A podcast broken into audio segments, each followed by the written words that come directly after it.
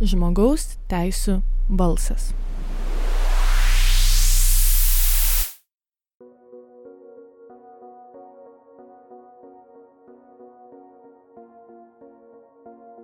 Sveiki klausytojai, su jumis Start FM 94,2 Vilniuje ir čia laida Žmogaus teisų balsas.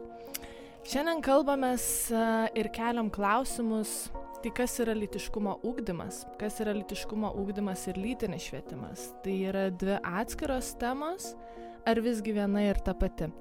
Dažnai litiškumo ūkdymą mokiniai, mokytojai, platesnė auditorija įsivaizduoja, kad visų pirma tai yra apie lytinius santykius, apie menstruacijas, kontracepciją. Džiugu, kad ši programa, ūkdymo programa apima žymiai daugiau dalykų, tad šiandienos laidoje lysim, sakyčiau, į probleminės temas, tokias kaip lyčių stereotipai, lyčių lygybė, a, seksualinė prievarta. Ir be abejonės visas šias temas apjungia lytiškumo ūkdymas mokykloje. Tad ir čia skirsim daugiausia dėmesio.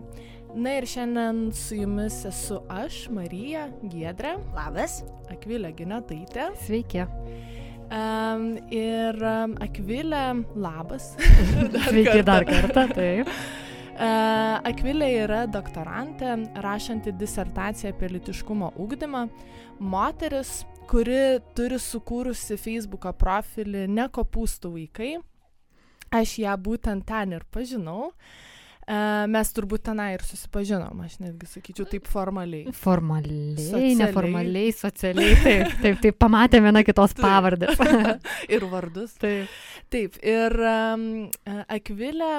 Uh, Akvilės tekstai yra man vieni mėgstamiausių užsiemimų Facebook'e. Aš jos labai mėgstu paskaityti rašomus jos tekstus. Akvilės tekstai labai žemiški. Uh, ji nemažai dalyjasi savo gyvenimišką patirtimi, kai gali pats ar pati save įsidėti į aptariamą situaciją. Tai vienas iš paskutiniųjų jos tekstų mane bene labiausiai sužavėjęs, tai jos 12 rozečių pakeitimo istorija. O tos istorijos moralas buvo tas, kad jei technologijų pamokos būtų būsios neatskirtos pagal lytį, tai galbūt dabar nekiltų klausimų, um, ar um, nekiltų tokie klausimai jos partneriui, pavyzdžiui, ar normalu mer, moteriai pakeisti 12 rozečių. Ir galbūt ir vyrams dabar būtų normalu suvokti, kad moteris gali priparkuoti tobulai automobilį ir gauti už tai pagirimų. tai va, tai ačiū Akvilė, kad tu šiandien esi mūsų svetė. Šiandien mes kalbėsime apie um, lytiškumo ūkdymo programą. Turbūt tai galėjote suprasti. Mhm. Aš taip kažkaip galvoju, visą laiką labai daug mes viešoje erdvėje diskutuojam, reikia lytinio švietimo ar lytinio švietimo visiškai nereikia, turim įvairių argumentų, bet aš norėčiau pradėti nuo tokio turbūt pamatinio dalyko. Uh, kas yra lytinis švietimas nes neretai lietuvoj lytinis švietimas nėra sietinas su žmogaus teisėmis. Lytinis švietimas neretai yra sietinas tiktai nežinau su lytiniu aktu kontracepcija ir panašiai.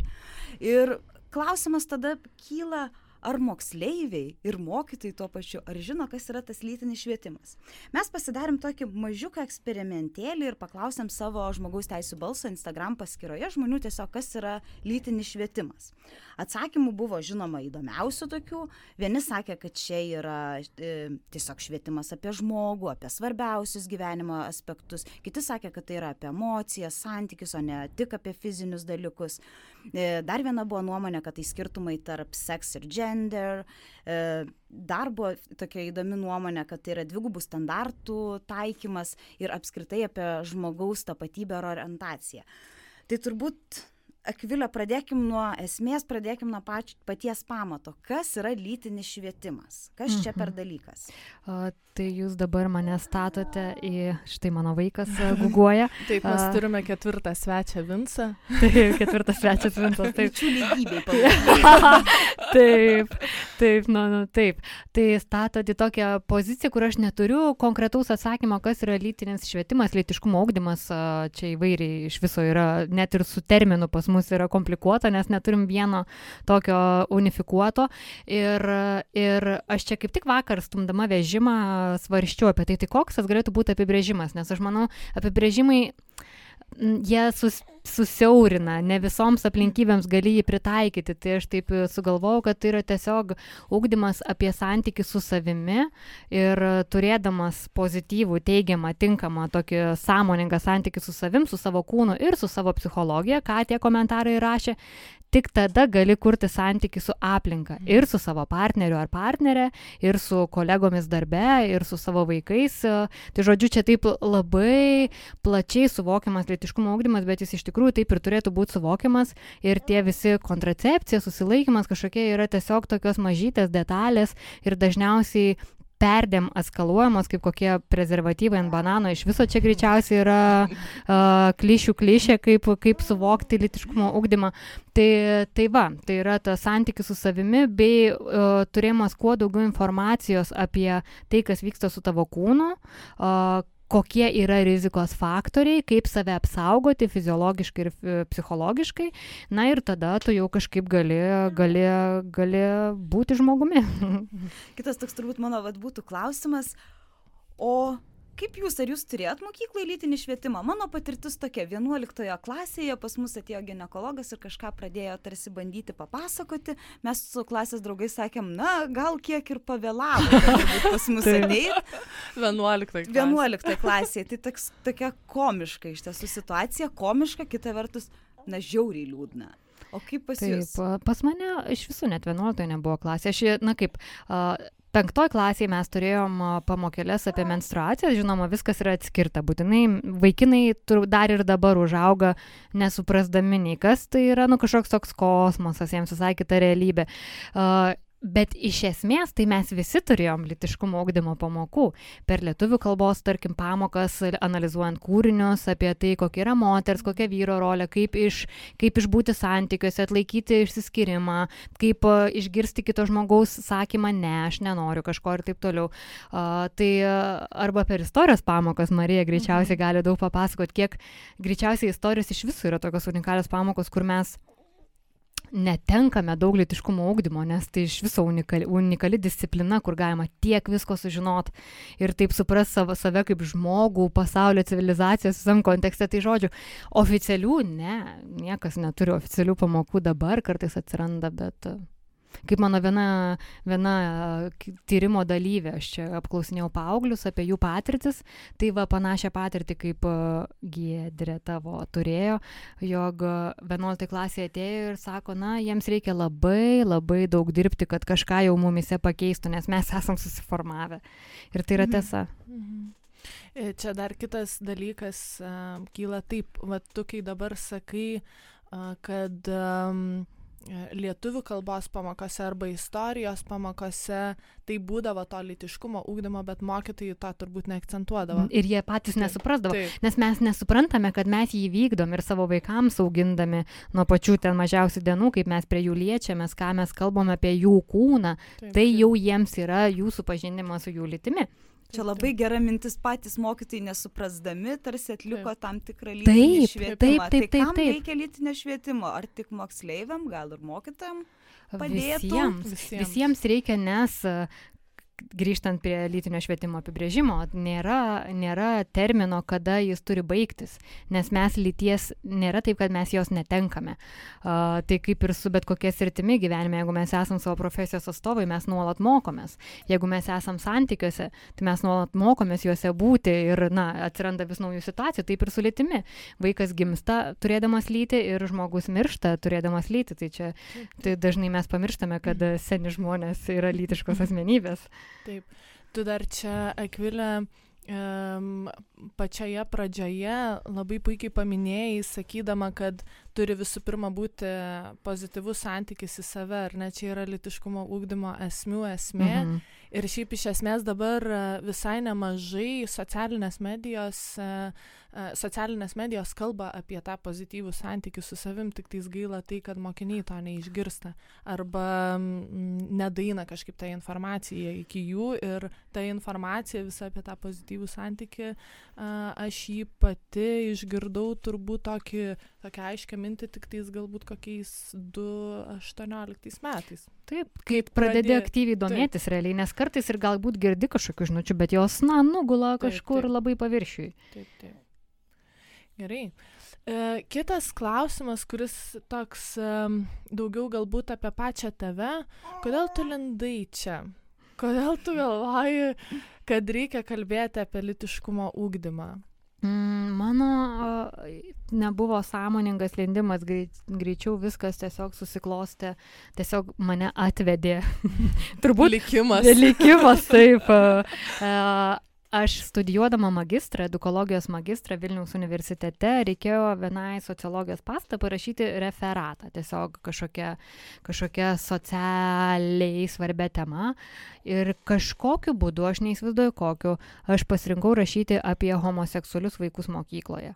Ir Aha. aš suradau šiek tiek informacijos lietuviškai ir jos buvo žiauriai mažai e, ir aš supratau, kokia, na, besigilindama ir toliau pasirinkus rašyti magistro darbą apie tai, aš supratau, kad tai yra a, labai tokia nišinės rytis Lietuvoje. Mokiniai, kurie yra LGBT, jie yra labai apleisti mokyklose, jų psichologinis, emocinis klimatas, kuriame jie turi ištverti, yra tragiškas ir dažnai tragiškai ir baigėsi jų gyvenimai per dažnai.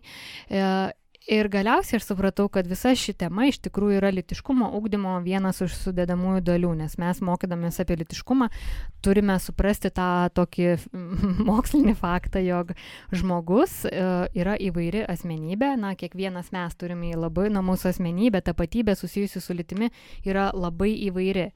Ir vienas iš tų komponentų yra mūsų seksualumas, mūsų gebėjimas įsimylėti uh, skirtingus žmonės. Tai, na, jeigu mes šitą apriektumėm litiškumo augdymo pamokose, uh, kalbėdama apie tai, kad mes esame įvairūs ir mes visi esame normalūs, nes uh, kaip, kaip mokiniai dažnai, dažnai tiesiog nori sužinoti per litiškumo augdymą, ar aš normalus, Taip. ar aš normali ir tai ne, neturi būti susijęs su mano seksualinė orientacija, tai gali būti susiję tiesiog, ką žinau, su ten mano keisto pilvo kokiais ten vingiais ar dar kažkuo. Tai tiesiog, va, per tokią labai aplinkui, aplinkui į pačią širdį situaciją aš čia ir atsidūriau. Mhm. Ir tu uh, važinėjai po, po mokyklas, ar ne, ir kalbėsi su mokiniais? Daugiausia, kai draugai mokytojai pasikviečia, bet dabar kaip tik jau nuo sausio mano, mano partneris perims tėvystės priežiūrą ir aš grįšiu į veiklas, tai mhm. taip, tada ketinu jau daugiau įsitraukti į, į pokalbį su pačiais vaikais. Nes mhm. tada ir pajauti tikrąją taip. esmę, kame jie gyvena. Taip, taip, nes mes suaugę keistai, keistai suprantam tą jų realybę. Akvilė, o mokyklos ar nori įsileidžia? Man labai labai labai smalsu. Kaip pat, nes paminėjai draugai mokytojai pasikviečia. Ir dar kitas šia dalykas, ar mokytojai, ar mokyklas tave draugiškai įsiveda ir ypatingai kai tu kalbi turbūt greičiausiai daug kalbi ir apie lyčių stereotipus ir apie homoseksualizmą. Čia taip galima turbūt homoseksualumą homoseksualumą jo kažkaip gražiau. Ar va tada ypatingai nori tave pasikviesti? Na kai mes na mes su kolektyvu aš dar dirbu įvairovės ir edukacijos namuose kur mes turime įvairių mokymų mokytojams kitiems specialistams mokiniams apie apie lytiškumą. Tai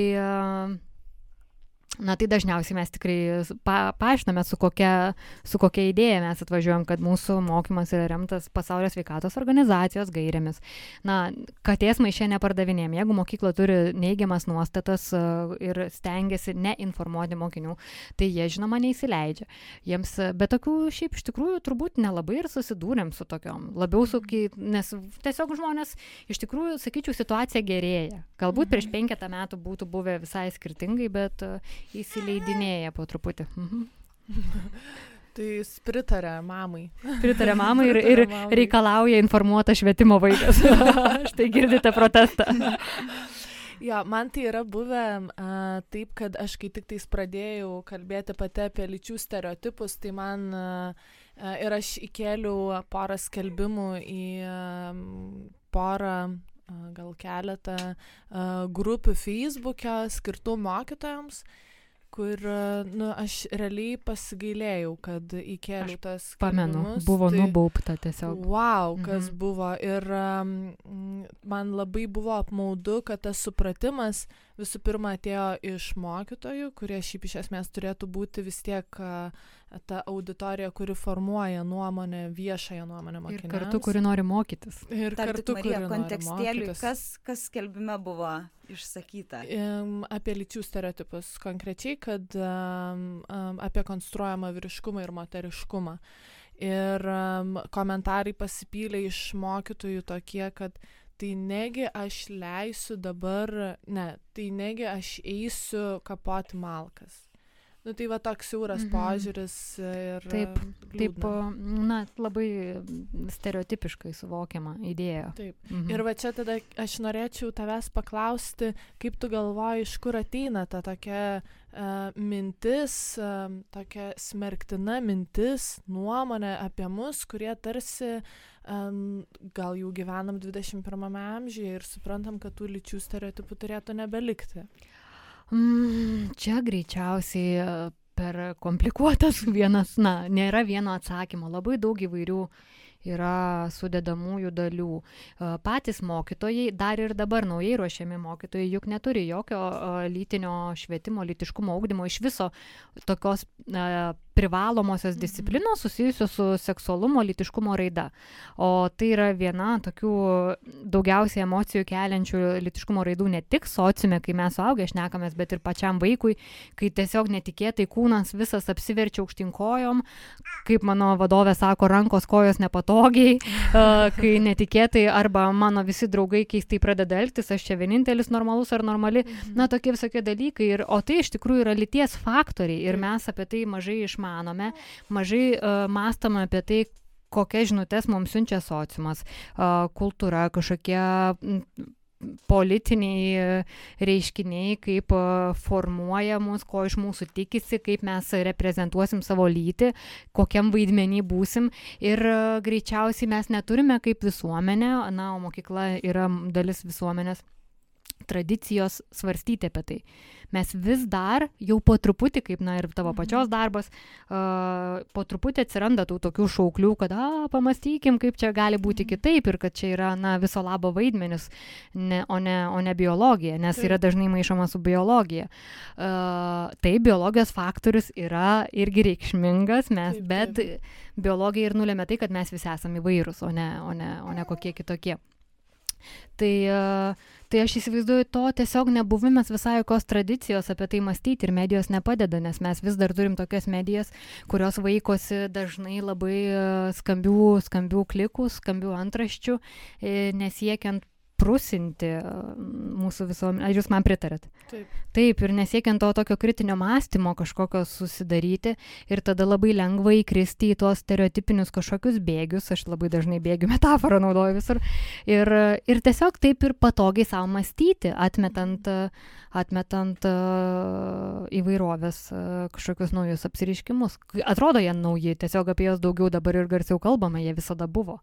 Ir mokytojai neretai, kurie dirba 20-30 metų, sako, na visada tai buvo, taip ir bus ir kodėl mes čia turėtumėm keisti. Net vienas merginas man iš Anos Frank jaunimo tinklo sakė, kad turbūt lytinį švietimą mes mokytojai turėtumėm visų pirma vesti, o ne ji mums, nes sako štai kur dar tikrieji žmogaus stereotipai mhm. ir galbūt ji dėl to nėra kalta, bet ji tokioje, na, tokios žaidimo taisyklės buvo jos gyvenime, ji taip supranta taip. ir labai sunku dabar taip. staiga ateiti ir sakyti, na, o dabar bus priešingai. Taip, nes, nes ta lytis yra labai jautri tema, kadangi ji, mes kiekvienas turime lyti ir dėl to labai mm, ir ta lytis susijusi su mūsų tapatybė, mūsų identitetu ir mes labai jautriai į tai reaguojam, nes e, lytis persipina, kaip jau ir pradžioje laidos minėjau, e, kalbėjom apie tai, jog su mūsų pačių suvokimu, kas mes esam, su mūsų santykiais, su mūsų rolė šeimoje, su mhm. mūsų darbiniais santykiais, su mano pasirinkimais, hobiais, kažkokiam funkcijom namie ir, ir nenamie.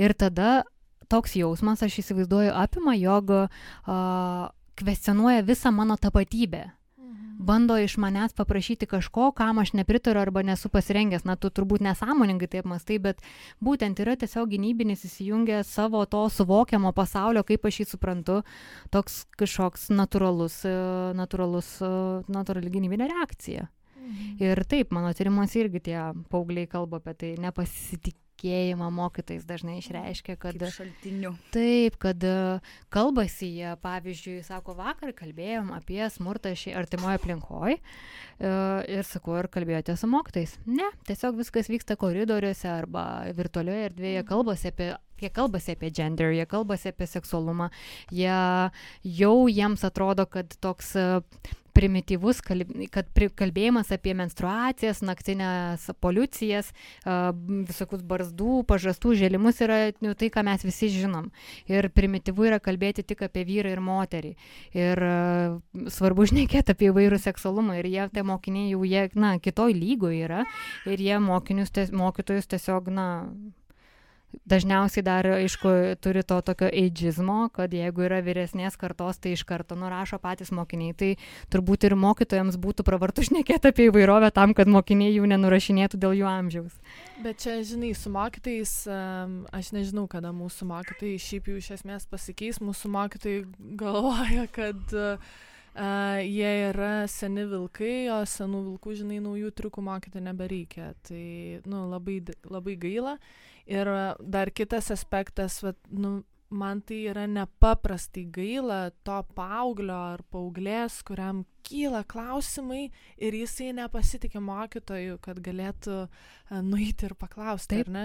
Tai čia va tada um, aš tai galvoju, mes dar prieisim prie litiškumo ūkdymo programos, bet būtų nerealu čia turbūt mano svajonių svajonė, kad litiškumo ūkdymui būtų skirtas etatas mokykloje, kur mokinys uh, dėl, nežinau, želiamų pažastų ar bet ko, ar vat jis ar normalus ar ne, ar ne, kad jam būtų atsakyta į visus jo užduodamus klausimus, būtų toks žmogus. Taip, nes e, dažniausiai o, tėvais mokiniai irgi nepasitikė. Na, nežinau, dažniausiai čia turbūt reikėtų atlikti reprezentatyvų tyrimą, kad taip galėčiau išvaistytis tokiais dažniausiai, bet realybė yra tokia, kad dažniausiai vėlgi.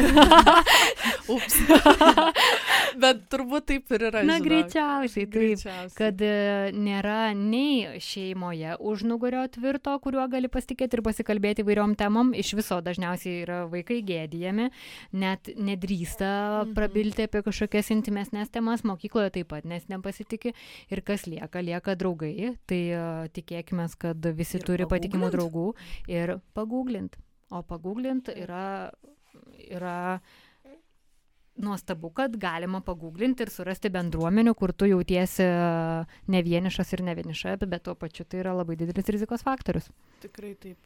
Aš dėl to šiaip iš esmės ir sukūriau FEMA, juk mano ir buvo pati pagrindinė minu, žinutė, kad visų pirma Instagramas, ne Facebookas, nes mano, nežinau, ten pusė mokinių turbūt yra Instagrame ir jie galėtų ten rasti atsakymus. Nu, ta prasme, realiai, kad jiems būtų skirta FEMA. Nu, kaip faina. auditorija yra. Čia nuostabu. Čia... atėjai, kur renkasi jie. Taip, taip, nes kitaip, nu niekaip, jeigu tu nebūsi ten pat, kur uh, yra tavo mokiniai, tai pražūsi. Dar taip. tik tais nedristus nepčiato kažkaip įsirašyti, bet panašu, kad teks ir tam būti. Taip, tai kaip viena čia, vienose yra tokia sociologijos akademija filosofijos fakultete ir jie turi, atrodo, keturis savaitgalius, kuomet šneka apie įvairias temas - religiją, dar dvi kažkokios ir nežinau kokios ir viena iš jų yra litiškumas. Mhm. Ir, ir, ir tam litiškume aš dalyvavau ir viena panelė sako, tai kokia nesąmonė, kodėl mums nebegėdos neleidžia skaityti paaugliams, bet mes mylėtis oficialiai nuo 16 metų galim.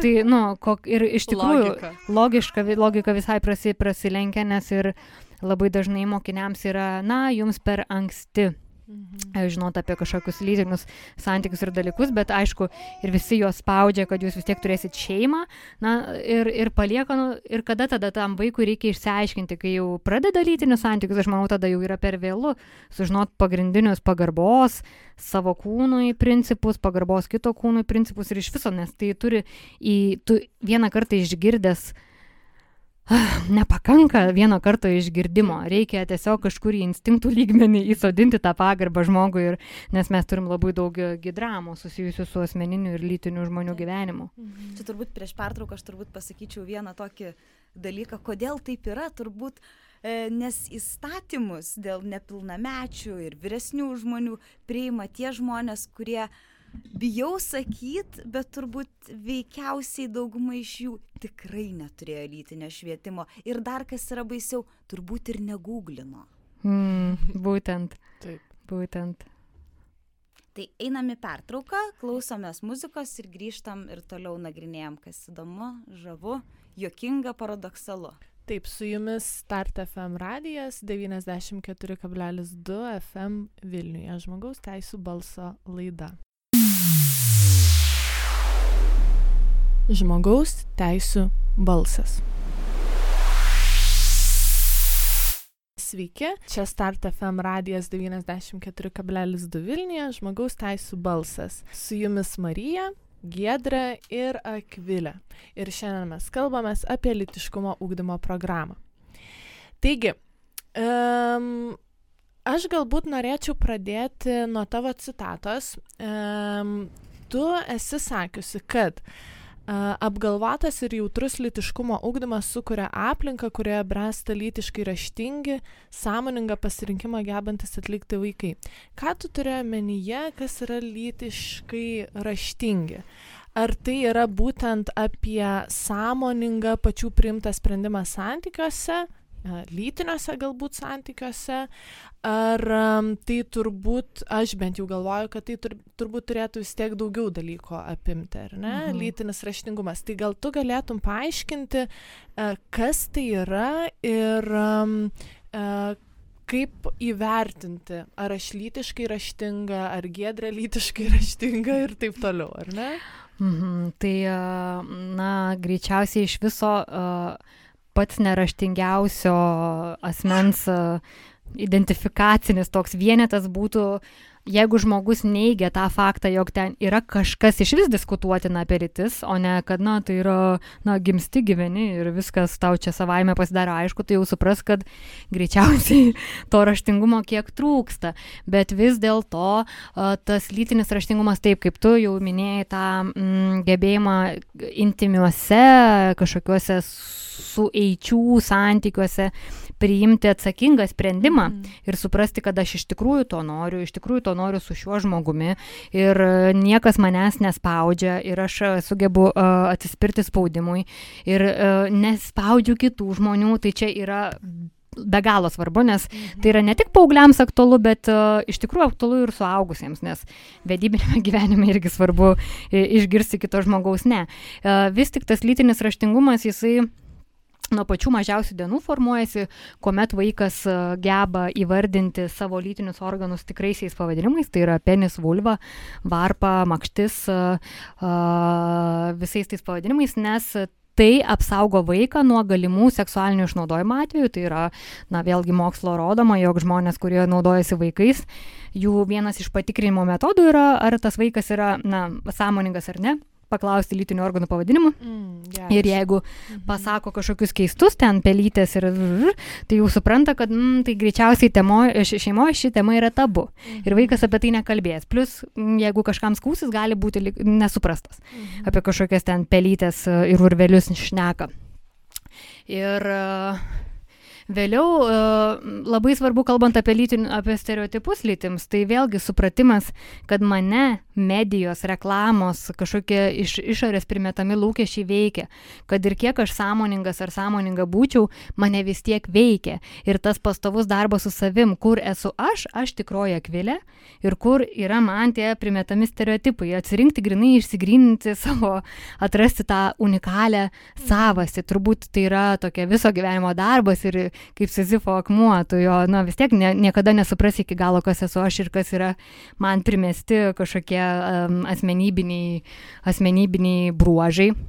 Bet vis tik, na, be galo svarbu tą išsigryninti ir lytiškai raštingas asmo nebijo stoti, būdama moteris į kažkokias technologinės sferas, jeigu domina ir, na, nestabdo savęs ir, ir, ir taip toliau. Mhm. Ir kitas jos nestabdo. Taip, būtent labai teisingai tu sakai ir kitas nestabdo, na, nekiša pagalių į ratus. Taip. taip. E, ok, pakalbėkim galbūt dabar konkrečiai apie mūsų Lietuvos litiškumo ūkdymo programą. Um, aš ją perskaičiau uh, vien dėl to, kad man nepaprastai yra įdomu, kas ten yra rašoma. Ir šiaip... Papasakok ir mums. E, šiaip iš esmės, būtinai. šiaip iš esmės, um, aš džiaugiuosi, kad e, ši litiškumo ūkdymo programa apima nemažai aspektų. Ten yra ir uh, rengimas šeimai, emocinė, fizinė sveikata, lyčių stereotipai, gal kokie pora, du sakinių, gal yra, man atrodo, ten. Kažkas, kažkurioje vyresnėse klasėse lyg jau kažkas, užsiminta. Taip, jau užsiminta. E, bet man asmeniškai ši programa daugiau kelia neramybę negu kad ramybę. Ir pirma, jinai yra ganėtinai aptaki. Pavyzdžiui, nėra kalbama konkrečiai apie seksualinį priekabiavimą arba seksizmą. Yra rašomas tokios mintis kaip, kad suvokia atsakomybę už savo elgesį bei pasiekmes. E, pozityviai save, vertina save ir kitų litiškumą, bet taip ir neprieinama prie tikrųjų vardų. Tai turiu omeny seksualinę taip. prievartą, seksizmas ar ne, kur šiaip iš esmės jau mes turėtume vartoti tos tikruosius vardus ar ne, šitų dalykų. Ir antra, man kaip mokytojai, kas yra neramu, kad jinai yra integruojama į dalykus. Tai čia, man atrodo, yra pats blogiausias dalykas. Tai kaip tu galvoji, kai, kokių bėdų turi ši ugdymo programa, ar mes šiaip iš esmės ją galime, ver, galime vertinti pozityviai ar ne? Ir um, kitas dalykas, ar mokykla ir mokytojai yra įgalus ją įgalinti veikti mokykloje. Aš manau, tu atsakėjai viską jau, aš tik tada kitais žodžiais perpasakosiu. Uh, taip, man irgi atrodo, jog ši programa yra tokia ganėtinai kupina tuščių frazių, mhm. kurias e, kiekvienas pasijėmęs e, įgyvendinti pripildo savo supratimu. Realiai jinai neindikuoja jokio vertybinio pamato ir ne, kaip tu ir sakai, neįvardinti tikrųjų žodžių, tikrųjų terminų, reiškia, jog paliekama a, to, kas įgyvendina supratimui apie tai, kas yra tinkamas lyties elgesys. Ir jeigu žmogus, mokytojas traktuoja, jog vyrai vyrų natūra yra priekabiauti prie moterų, kad na tai tiesiog impulsai kažkokie normalu. normalu, o čia mano vienas iš mylimiausių būdų, kaip, kaip tą normalumą ir impulsus paneigti, tai kaip viename straipsnėje skaičiau, jog vaikinas per paskaitą iš, išsampratavo, kad mes visada, jeigu mes su mergina kažką veikiam kambarį ir tėvai užeina į kambarį, tai iš karto sugebam nustoti bet ką, ką mes tuo metu darėm, nes yra gėda prieš tėvus, nu nejauku tiesiog, bet mes pamirštam taikyti visiems kitiems socialiniams atvejams ir dažniausiai sakom tiesiog vyrai, na, negali. Tai tada tas mokytojas ir ta mokytoja visai skirtingai mokys apie, ką, ką reiškia gerbti kito ribas ir taip toliau. Na, to, to, tų tokių tuščių frazių yra pernelyg daug ir akivaizdu, kad nėra susitarta, ko mes iš tikrųjų norime mokinius mokyti. E, yra vis dar per daug aršių, tokių skaudžių, diskusijų pas mus visuomeniai. Na, o ar mokytojai gali įgyvendinti, nemanau. Ir manau, dauguma mokytojų nelabai nori įgyvendinti, nes jie nesijaučia saugiai. Jie vieną bijo, bijo tos akistatos su mokiniais, bijo to kikenimo, bijo būti nesuprasti, bijo iš viso, na, intimesnėm temom kalbėtis, nes tai yra tebu, tai yra stigmatizuota tema ir, na, netikėtai paimti ir lyg niekur nieko prabilti, aš suprantu, į, į kokio įtampo jie atsiduria. Kita, jie neturi pamatinių žinių, nes, kaip jau ir kalbėjom, niekas jų neruošia ir vis dar nėra kažkokio apmokyti mokinius, mokytojus gali bet kas realiai iškyla vis kažkokių skandalų, bet vėlgi nėra kažkokio tokio aiškaus tinklo kuo remtis. Ir trečia, jie bijo tėvų, bijo kitų mokytojų, bijo žiniasklaidos žodžių, nėra aišku, ką reikia mokyti, nes atrodo apie vieną kalbį bus skandalas, apie kitą kalbį bus skandalas, na jie tiesiog tokie įkaitai e, mūsų politinės visos situacijos. Mhm. Ir kenčia vaikai.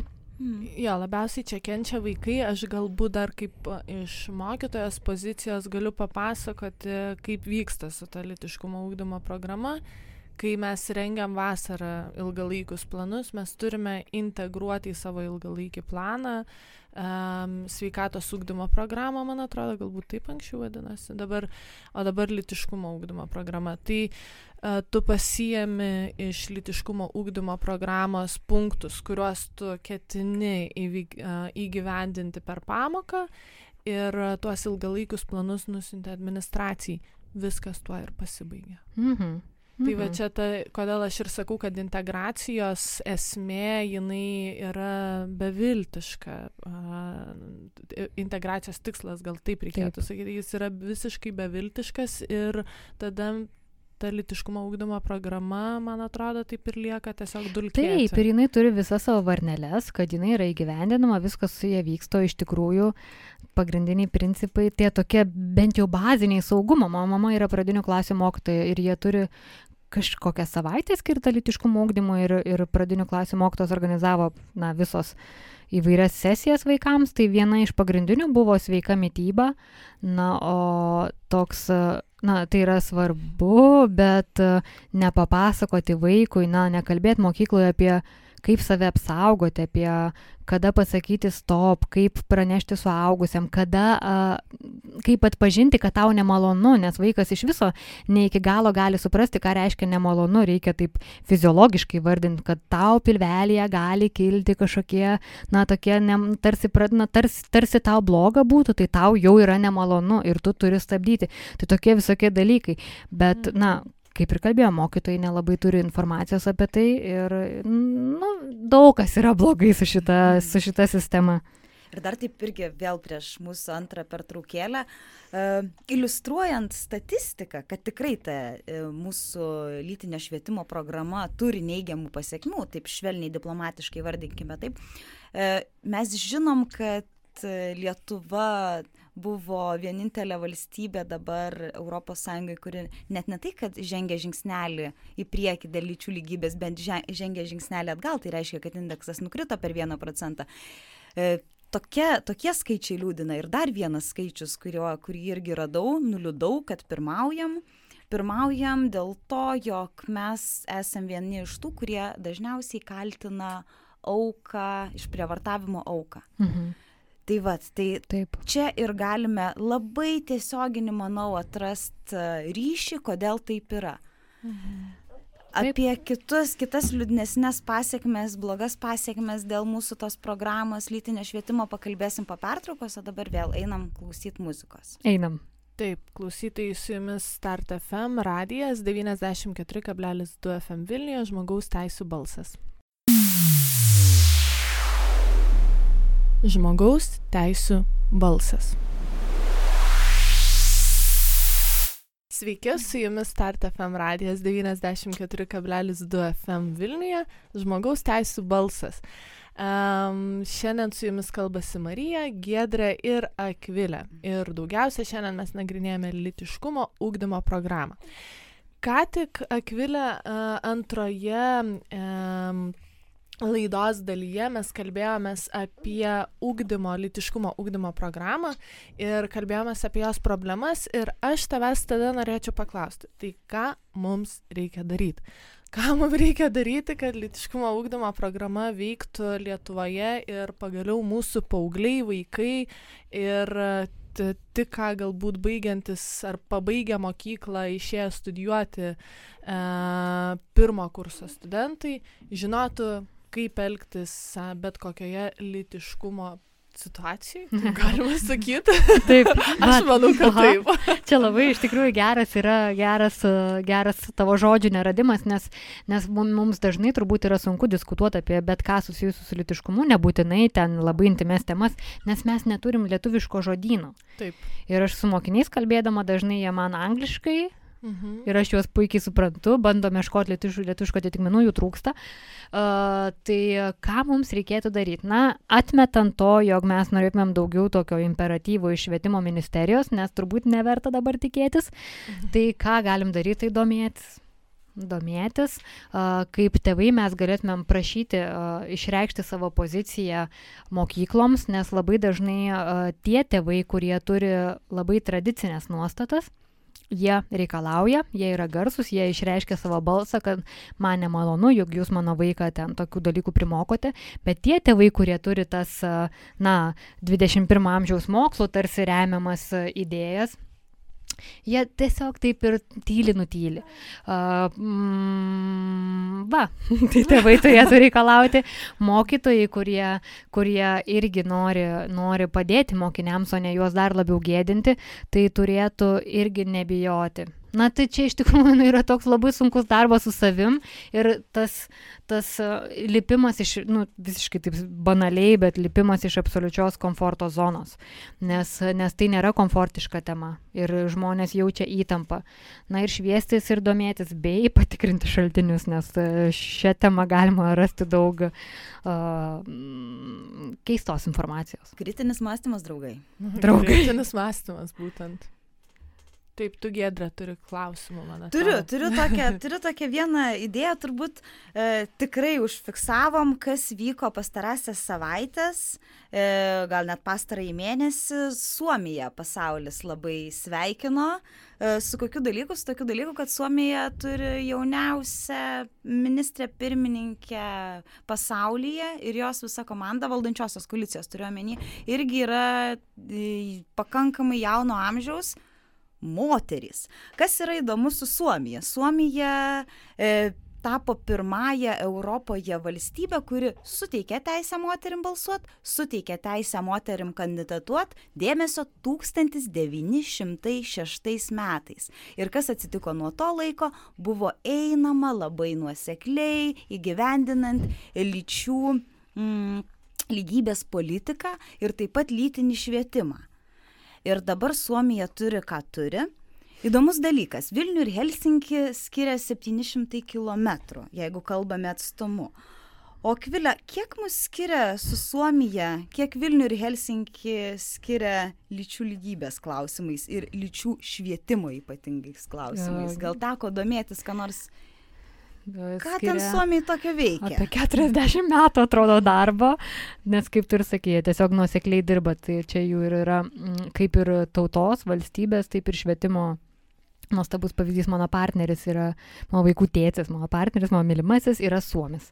Tai aš iš jo šeimos matau labai, labai na, tiesiog labai skirtingą kultūrą. Ne, aš net iš jų mokausi dirbti, kad reikia būtinai ilsėtis, pastoviai daryti per traukėlės, o man taip norisi, nu tai padarom, padarom iki galo ir ilsėsimės. Ir tada matai, kad daug daugiau padarai su metodiškom polsio per traukėlėm, bet grįžtam prie litiškumo.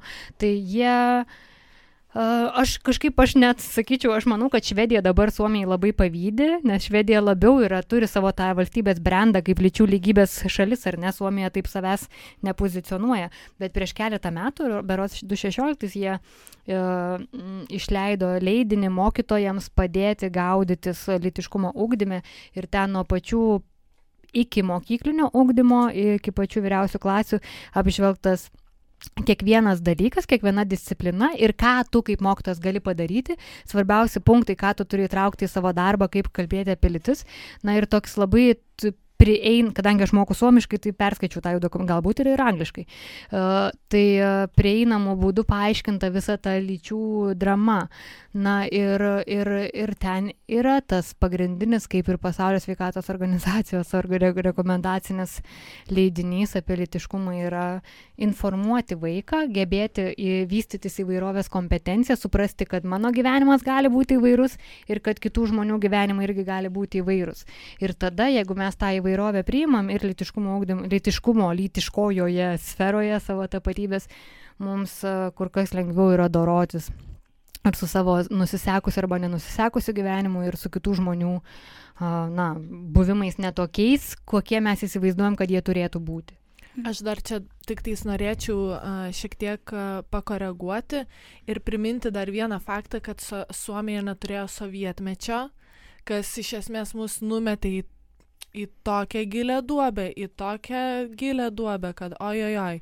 Ir reikia pasigirti, kad moteriams suteiktos teisės buvo Lietuvoje irgi tam po Suomijos jau po to visai e, netrukus. Taip, bet čia visai labai įdomu, nes, labai. nes tiesiog ta mūsų tuo metu sistema reikala, na, reik, tiesiog reikėjo dar kad moteris na, būtų lygios ir darbinė prasme. Taip, taip. Na, nu, žodžiu, čia iš viso labai, labai Daug gera tema. Padarykite dar vieną laidą apie, apie šią temą. taip, taip. Ir turbūt aš taip dabar galvoju ir mane pataisykite, jeigu klistu. Ir apskritai Suomija turi vieną geriausių švietimo sistemų pasaulyje. Taip, Mm, taip, taip, taip, taip, turi vieną geriausių. Ten iš viso yra netgi švietimo turizmas. Žmonės važiuoja į- Suomiją kaip, na, švietimo darbuotojai, kaip turistai, m, pamatyti, kas ten vyksta.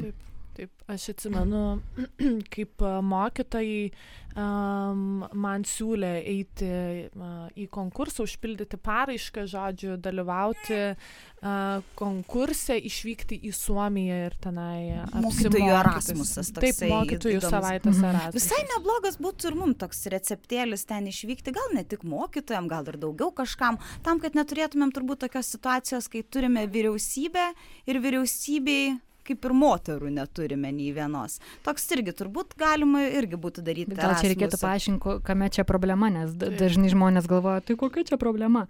Atsiprašau šitą balsą, čia toks gavosi, gal nepagarbus. Čia, jeigu, jeigu natūraliai, tai labai gerai. Čia Tai- ki- kitas personažas. Tai kitas tiesiog, aš tik šitą personažą ir moku, man su vaidyba negerai. Tai kas čia, gal tu pasakai? Aš turbūt irgi galėčiau tokį pasakyti, ką aš irgi pastebėjau.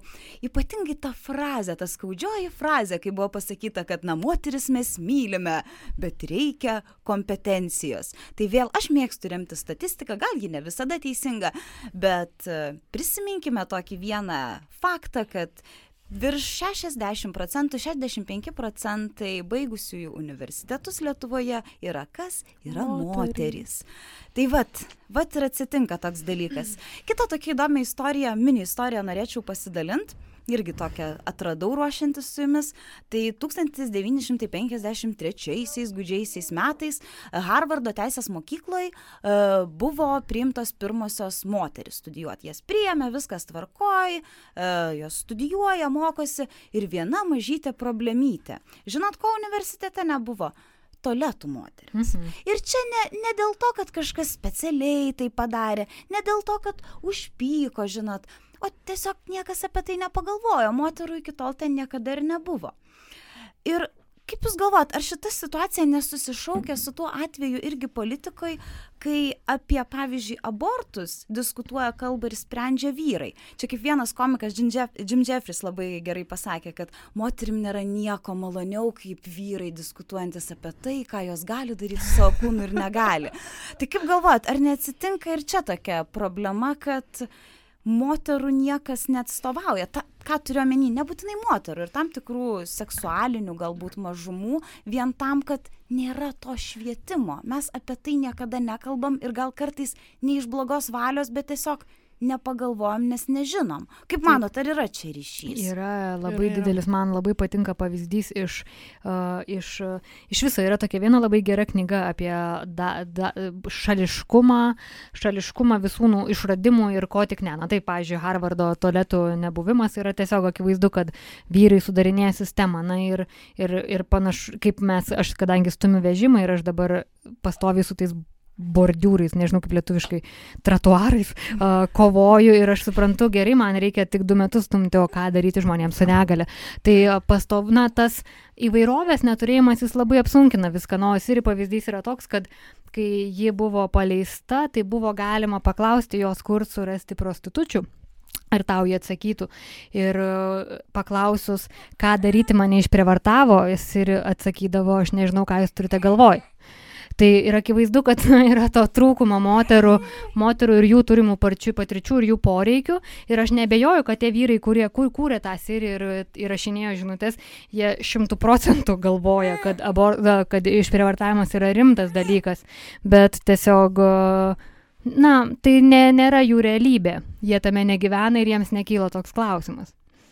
Aš čia dar apie moterų nebuvimą vyriausybėje. Aš visgi dar sugrįžčiau į mokyklą, nes mes mergaitėms per mažai akcentuojam, kad jos šiaip iš esmės gali labai daug ką nuveikti savo gyvenime. Ir e, mes neakcentuojam jų lyderiškumo, mes neskatinam jų a, Ambicijų. Us, ambicijų, užsimti vadovaujančios pozicijos, e, mes skatinam mergaitės būti rūpestingom, a, švelniom, šeimininkėm būti ar ne, gali jos būti ir taip, jeigu jos pačios to nori. Taip. Ir, nu, tada turim, ką turim. Aš tu labai turiu labai gerą pavyzdį iš savo vienos kolegės, jinai lietuvių mokytoja yra, kai jinai pradėjo ten dirbti mokytoja ir įsijungė prie mokinių aktyvų ir taip toliau.